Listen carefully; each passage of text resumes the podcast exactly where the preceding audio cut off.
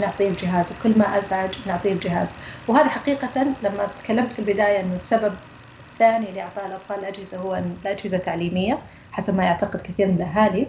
السبب الأول هو لإلهاء الطفل أو إسكات الطفل أو عشان أقدر أخلص شغل عندي يعني أكيد الأمهات هذه حقيقية. هذه هذه حقيقية فعلا فعلا من واقع يعني.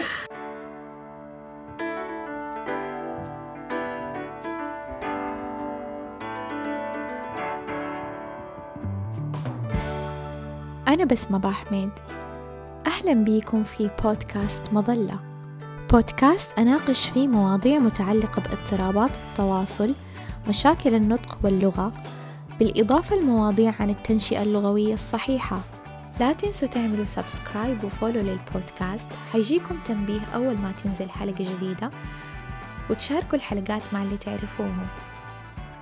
هذه الحلقة بعنوان أطفالنا والشاشات. الجزء الأول. ماما افتحي لي تلفزيون أبغى التلفزيون أبغى التلفزيون تبغى تتفرج تلفزيون؟ إيش تبغى تشوف؟ شوف وشوف دادي فينجر. التلفزيون والشاشات وتعرض الأطفال لها. موضوع يلامس أغلب العوائل والأسر. جات فترة قبل خمس سنوات أو أكثر كثرت فيها قنوات الأطفال باللغة العربية باختلاف المحتوى سواء كان أناشيد أو برامج. فبدل ما كان عندنا قناتين صار عندنا ممكن خمسة أو عشرة قنوات. وصار جدا ملحوظ في المجتمع بشكل عام تعرض الأطفال للشاشات من عمر صغير. وصاروا يجلسوا عليها لوقت جدا طويل. طبعا ساهم في هذا تطور التكنولوجيا وانتشار استخدام الأجهزة زي الآيباد، اللابتوب، الجوال وحتى المحتوى صار متوفر على اليوتيوب بكل سهولة الشاشات جدا تلفت انتباه الطفل حتى هو في عمر الأشهر زي شهرين أو ثلاثة أشهر لكن ما كان في وعي عن التأثير البعيد المدى هل هي مفيدة وتعلم الأطفال؟ هل لها آثار جانبية سلبية؟ أو الوضع عادي؟ في السنتين الأخيرة صار يطرح موضوع تعرض الأطفال للشاشات بشكل أكبر من قبل مختصين لهم علاقة بالمجال وطبعا ساهم هذا الطرح في توعية المجتمع بشكل أفضل. ضيفتي في هذه الحلقة الدكتورة هيفاء الروقي. الدكتورة هيفاء أستاذ مساعد بجامعة الملك عبد العزيز ومساعدة مدير المركز الاستراتيجي لتحقيق رؤية المملكة بجامعة الملك عبد العزيز حاصل على دكتوراه في اللغويات في أثر الأجهزة الرقمية على تطور اللغة لدى الأطفال من جامعة مانشستر ببريطانيا والماجستير في اللغويات التطبيقية من جامعة نيو ساوث ويلز بأستراليا. أهلا فيك دكتورة هيفاء شرفتيني. أهلا أهلا أستاذة بسمة. شكرا أه على الاستضافة. والله أنا أسعد. نعرف بداية إيش نقصد بالشاشات أو زي ما نسمع دائما screen time طيب هذا سؤال جدا مهم كبداية مصطلح الشاشات لأنه فعلا لما لما نقول screens أو screen time باللغة الإنجليزية خلاص واضح إيش مقصد المقصد بال screens بس باللغة العربية لما نقول الشاشات البعض يعني تفكر مثلا شاشات فقط شاشه التلفزيون. شاشات أي شاشة نشاهدها سواء تلفزيون جهاز لوحي هاتف ذكي أي شاشة يتعرض لها الشخص سواء طفل أو كبير نسميها إحنا شاشة. فهي تشمل يعني التلفزيون والأجهزة والأجهزة الإلكترونية. يعني أي شيء. لما نقول أجهزة إلكترونية أو أجهزة رقمية هذا ما يكون من ضمنها التلفزيون. فإذا قلنا شاشات يكون الاثنين أجهزة رقمية وأيضا تلفزيون. يعني يشمل كل شيء آيباد يشمل ايفون شيء. جوال تاب صغير. أي شيء يكون فيه يعرض فيديو ويعرض صوت. يعني أيوه عمالها تكثر ما شاء الله. أيوه أنواع كثير. يعني فعلا يعني السوق الإلكتروني والأشياء اللي تطلع كل يوم يعني هذه تخلينا دائما لازم نكون يعني up to date مع الأشياء الجديدة اللي طالعة. فن يعني نعرفها ونفهمها ونعرف آثارها. تتغير بسرعة. صحيح. طيب يعني أعتقد الكل يعني فاهم هذه الفكرة إنه الشاشات يعني سلاح ذو حدين. فإيش نبغى نعرف إيش الحدين؟ إيش الأشياء الإيجابية؟ إيش الأشياء السلبية في هذه الشاشات؟ ممتاز. هو بداية يعني دعنا نقول إنه هو هذا المفروض الفكرة اللي تكون عندنا إن هي سلاح ذو حدين لها إيجابيات ولها سلبيات. لكن حقيقة اللي اللي أشوفه لما نتحدث عن الشاشات إن أكثر الأهالي ليس فقط يعني عندنا إحنا في المملكة ولكن عالميا يكون يكونون فريقين، في فريق يتخوف تماما من من التقنية ومن الشاشات وينادي بمنعها. فيعني طريقة بسبب خوفهم من خطورتها ينادون مثلا بأنه يكون طفل بلا شاشات وحياة بلا شاشات وبلا أجهزة. وهذا في رأيي مبالغة غير مستندة على الآراء العلمية وغير واقعية وصعب تطبيقها. يعني حتى لو نادينا فيها هي صعب تطبيقها. فهذا فهذا قسم. القسم الآخر قسم متساهل جدا. لا يرى أبدا أن الشاشات منها أي ضرر أو الأجهزة منها أي ضرر على الأطفال. ربما البعض يجد صعوبة أنه يعطي جهد أو وقت للتعلم عن هذا الموضوع أو استكشاف استكشاف هذا الموضوع ما يشاهد الأطفال ومراقبة المحتوى وتقنين الوقت والمحتوى. فهو زي ما تفضلتي هي سلاح ذو حدين لها فوائد ولها أضرار. فهذه بداية جيدة انه إحنا نتحدث عنها في حوارنا اليوم. الفوائد يعني يمكن من فوائد الشاشات إنها مصدر للتعلم. يعني لكن هذا يعتمد بشكل أساسي على عاملين على نوعية المحتوى ما يشاهده الطفل هل هو تعليمي أم غير تعليمي وعلى عمر الطفل. يعني حتى المحتوى التعليمي عندما يشاهد الطفل بعمر معين قد لا يتعلم منه. فإذا تكلمنا مثلا على نوعية المحتوى في عندنا محتويات تعليمية محتويات غير تعليمية. وليس بالضرورة أي شيء يكون أي تطبيق أو هذا ينطبق على كل شيء على الكتب وعلى التطبيقات وعلى الألعاب ومقاطع اليوتيوب والبرامج التلفزيونية. ليس بالضرورة ما يعني يدعي المنتج أو المطور لهذا التطبيق أنه تعليمي يكون فعلا تعليمي أو أنشئ على أسس تربوية وتعليمية وأنه راح يكون له أثر يطور من مهارات الأطفال. فهذا شيء لازم ينتبهوا له ينتبهوا له الأهل يعني اللي اللي تبي تقوليه يعني إحنا إحنا لازم لما نختار محتوى للطفل عشان يتفرجوا نتأكد إنه هو في هذه المرحلة العمرية المهارات اللي هو يعني اللي قاعد يطورها هذا المحتوى يناسب هذه المهارات اللي قاعد هو يطورها في هذه المرحلة العمرية. بالضبط. وليس بالضرورة أن كل ما يشاهده الطفل يجب أن يكون تعليمي. يعني ممكن يكون ترفيهي بحت. مو شرط حتى إحنا يعني مو شرط كل الأشياء اللي نتعرض لها ونشاهدها أو نقرأها إنها تكون كلها تعليمية، لكن المقصد إذا كان كثير من الأهالي وهذا راي من آراء الأهالي يعني السبب الثاني يأتي يمكن لاحقا نتحدث عن السبب الأول، لكن السبب الثاني لكثير من الأهالي يعني في دراسة قمت بها وأيضا في دراسات أخرى اللي الأهل يذكروا إنه والله أنا أعطي الطفل جهاز لأنه الجهاز تعليمي. فلهذا إحنا لازم نكون منتبهين إنه هل هو بالفعل تعليمي وهل المحتويات هذه تعليمية؟ يعني ممكن يكون تعليمي وترفيهي لكن يعني انتقاء المحتويات جدا مهم. بالنسبة لعمر الطفل أنا ليه ذكرتها أيضا مع نوعية المحتوى وكون الأجهزة مصدر للتعلم؟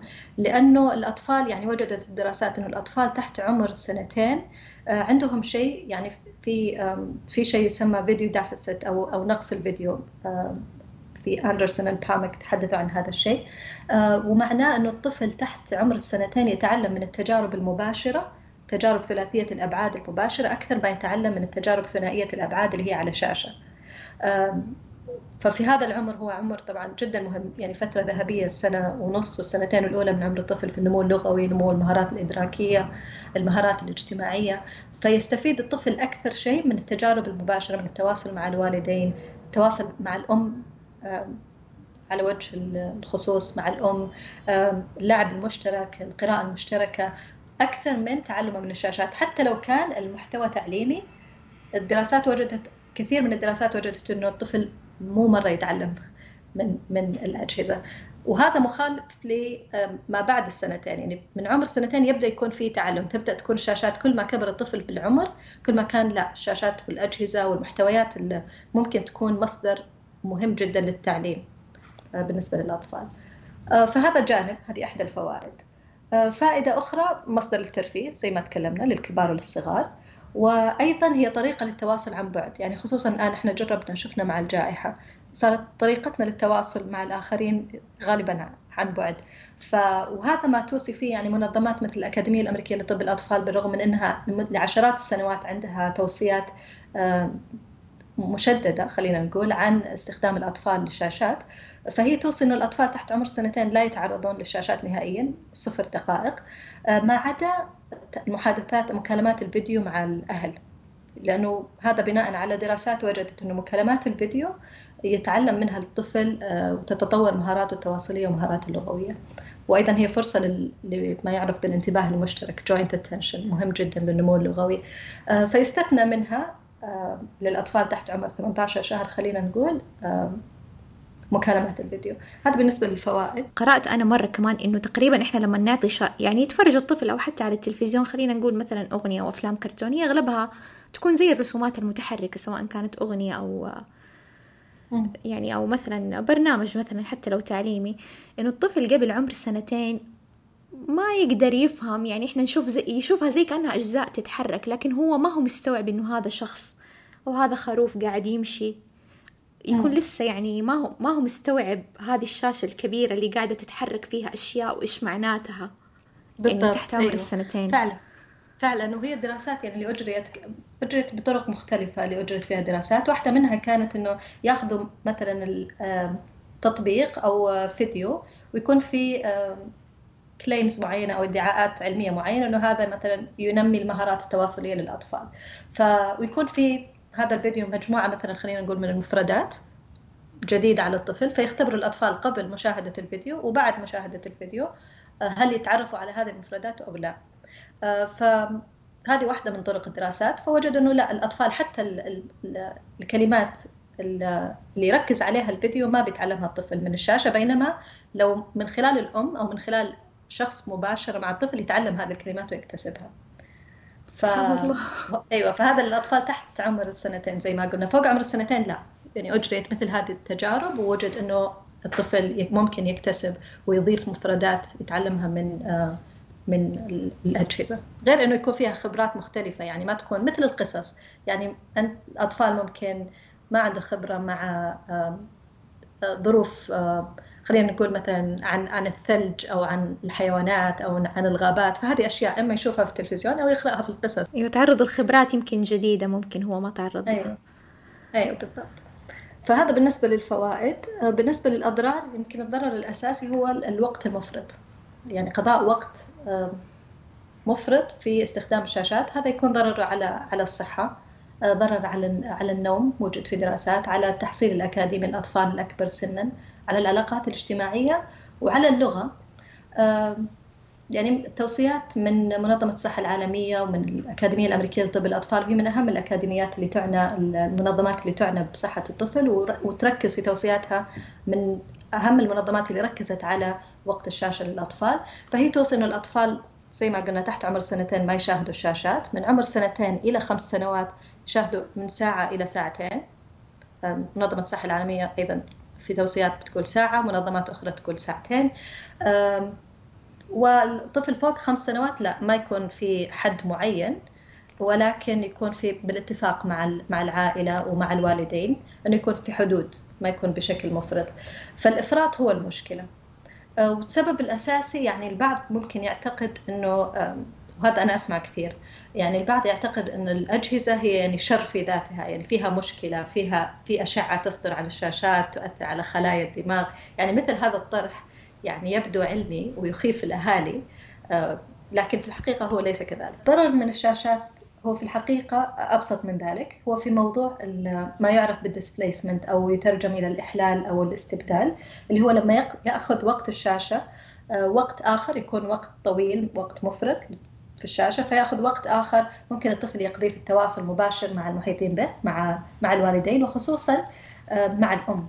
يعني نحن نعلم من الكثير من الدراسات القديمة والحديثة دور الأم بالذات في نمو الأطفال من عدة نواحي.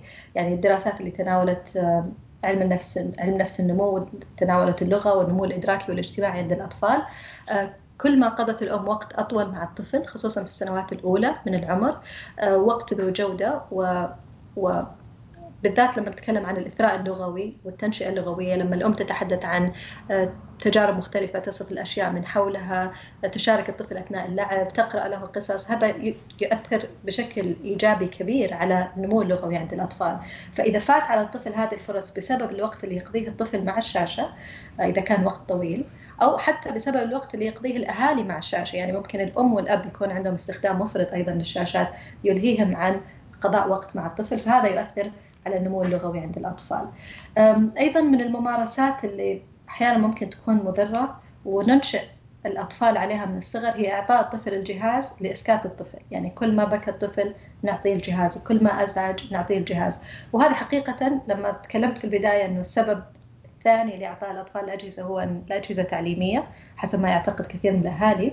السبب الأول هو لإلهاء الطفل أو إسكات الطفل أو عشان أقدر أخلص شغل عندي يعني أكيد الامهات هذه حقيقية. هذه هذه حقيقية. فعلا فعلا من واقع يعني. وكثير دراسات يعني قرأتها آه، دراسات من أمريكا من بريطانيا سنغافورة. فيشتركوا أمهات العالم في هذا الموضوع. وانه انه الشاشات فعلا تستخدم يعني يسمى البعض يسميها digital pacifier يعني لهاية رقمية. لأنها فعلا ممكن تسكت الطفل يصير الطفل يقدر يأكل مثلا أو أو ما يتحرك ويأذي نفسه.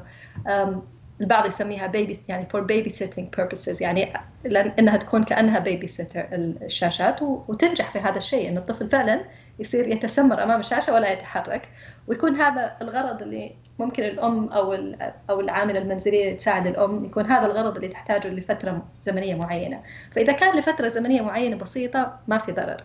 بس إذا أصبح هذا روتين وعادة ان الطفل يقضي ساعات من يومه مسمى يعني أمام الشاشة جالس أمام الشاشة آه هذا آه يؤثر سلبا على الأطفال. فإعطاء الطفل الجهاز هذا ياثر على يعني مهارات تهدئة الذات وتنظيم المشاعر self soothing skills emotional regulation. فيصير الطفل خلاص يعني يعرف يستخدم أول شيء البكاء كوسيلة للحصول على الجهاز والأم أول شيء تسويه أول ما يبكي الطفل إنه أنا أعطيه الجهاز. بدون ما نستخدم وسائل أخرى قبل ال ال إنه إحنا قبل ما نستسلم ونعطي الجهاز. فلما يصير هذا سلوك وروتين يومي أو عادة عند الأطفال آه، هنا يكون أيضا في ضرر. فالمشكلة هنا أنه أنا ممكن كأم أقول أوكي أنا بعطي الطفل الجهاز وقت محدد آه، لكن آه، الحقيقة أنه مجرد ما نستخدم الأجهزة كوسيلة لتهدئة الطفل يبدأ الطفل يتعود عليها ويصير يرفض الهدوء بدونها يرفض الأكل بدونها يتوقع أنه كل ما غضب أو صرخ أو بكى بطريقة الإسكات هي الشاشات وهنا نضطر بدون أن نشعر أن يصبح الوقت مفرط. آه، ونعطي الطفل آه، الشاشات لوقت طويل وهنا تبدأ الآثار السلبية تظهر بسبب الإفراط في استخدام الشاشات وليس التعرض لها فقط.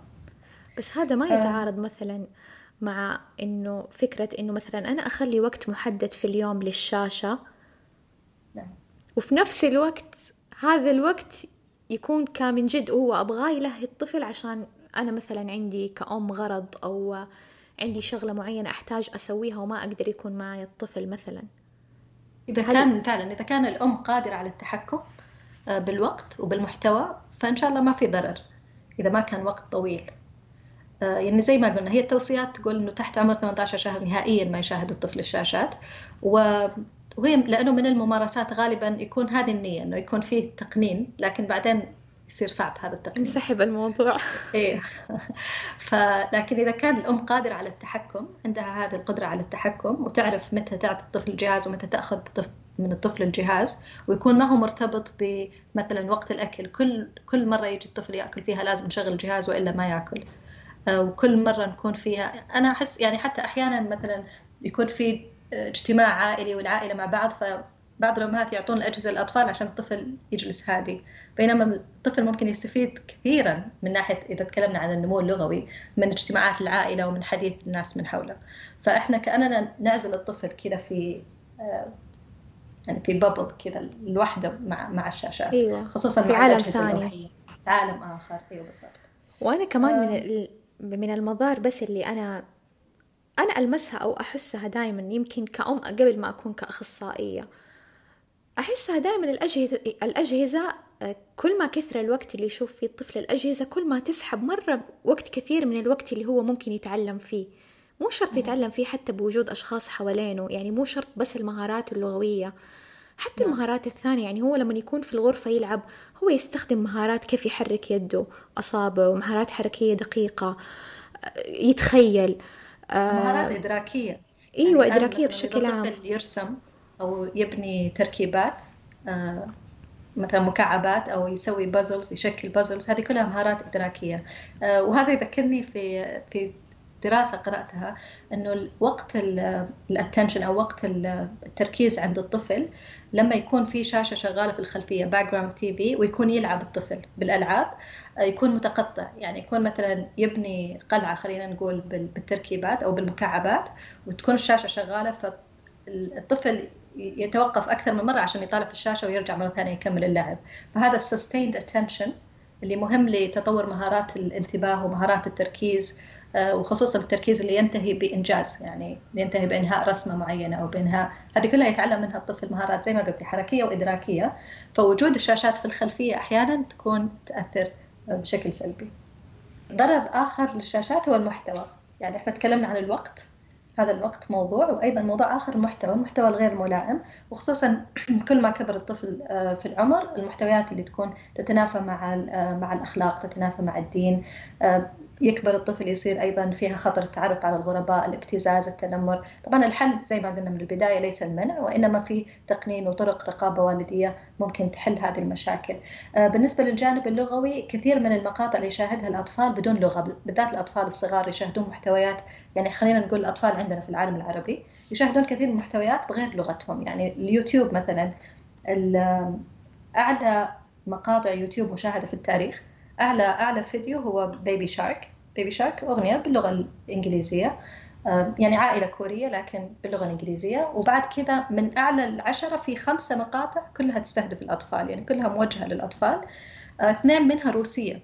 يعني واحدة منها بدون لغة اللي هي Masha and Bear الفيديوهات الأصلية ال Masha and Bear ما كان فيها لغة اللغة كانت محدودة جدا فيها.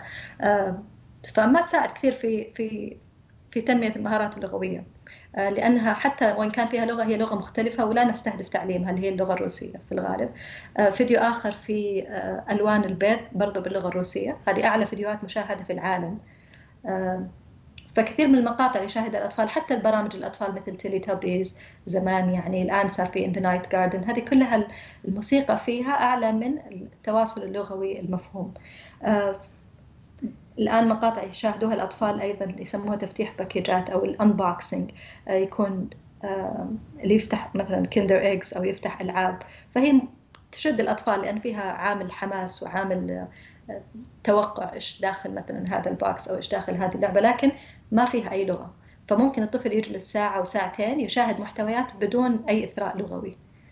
آه، فهذا ممكن ياثر بس كمان على موضوع اللغة كمان أنا قبل فترة ما أعرف شفت ما حتى ما أعرف إيش اسمه بس مرة كده شفته. يعني في ناس كنا معزومين عندهم. زي الأفلام كرتون بس حتى مو يتكلموا لغة مفهومة يتكلموا خرابيط. يعني زي اللغة اللي ماني عارفة إيش هي. حقيقي ما عرفت أسميها. يعني لا هي لغة ثانية مثلا ما نعرفها أو مثلا زي اللغة الروسية ما نعرفها. بس يعني عارف إنه هذه لغة نظام لغوي يعني سيستم نظام صوتي. هذه كانت لا ما يعني ولا شيء. يعني هذه تكون أصلا منتجة بذكاء عشان يكون تباع في كل أماكن في كل دول العالم. يعني لو كانت بلغة واحدة محدودة يمكن ما يشاهدها إلا متحدثي هذه اللغة. لكن لما تكون بدون لغة تكون خلاص تستهدف كل البيبيز ولا كل الأطفال في العالم. فممكن أي أحد يشاهدها وأي أحد يفهمها بدون ما يكون فيها لغة. آه، وتصنع لهذا الأساس يعني. شكرا لاستماعكم للحلقة. لا تنسوا تعملوا subscribe للبودكاست وتشاركوا الحلقة مع اللي تعرفوهم. حلقات هذا البودكاست متوفرة على SoundCloud Apple Podcasts و Google Podcasts إذا عندكم أي اقتراحات أو استفسارات أو مواضيع حابين نناقشها اتواصلوا معايا عبر حسابي في تويتر أو إنستغرام أو الإيميل الموجود في وصف الحلقة. وانتظروني قريبا في الجزء الثاني من حلقة أطفالنا والشاشات.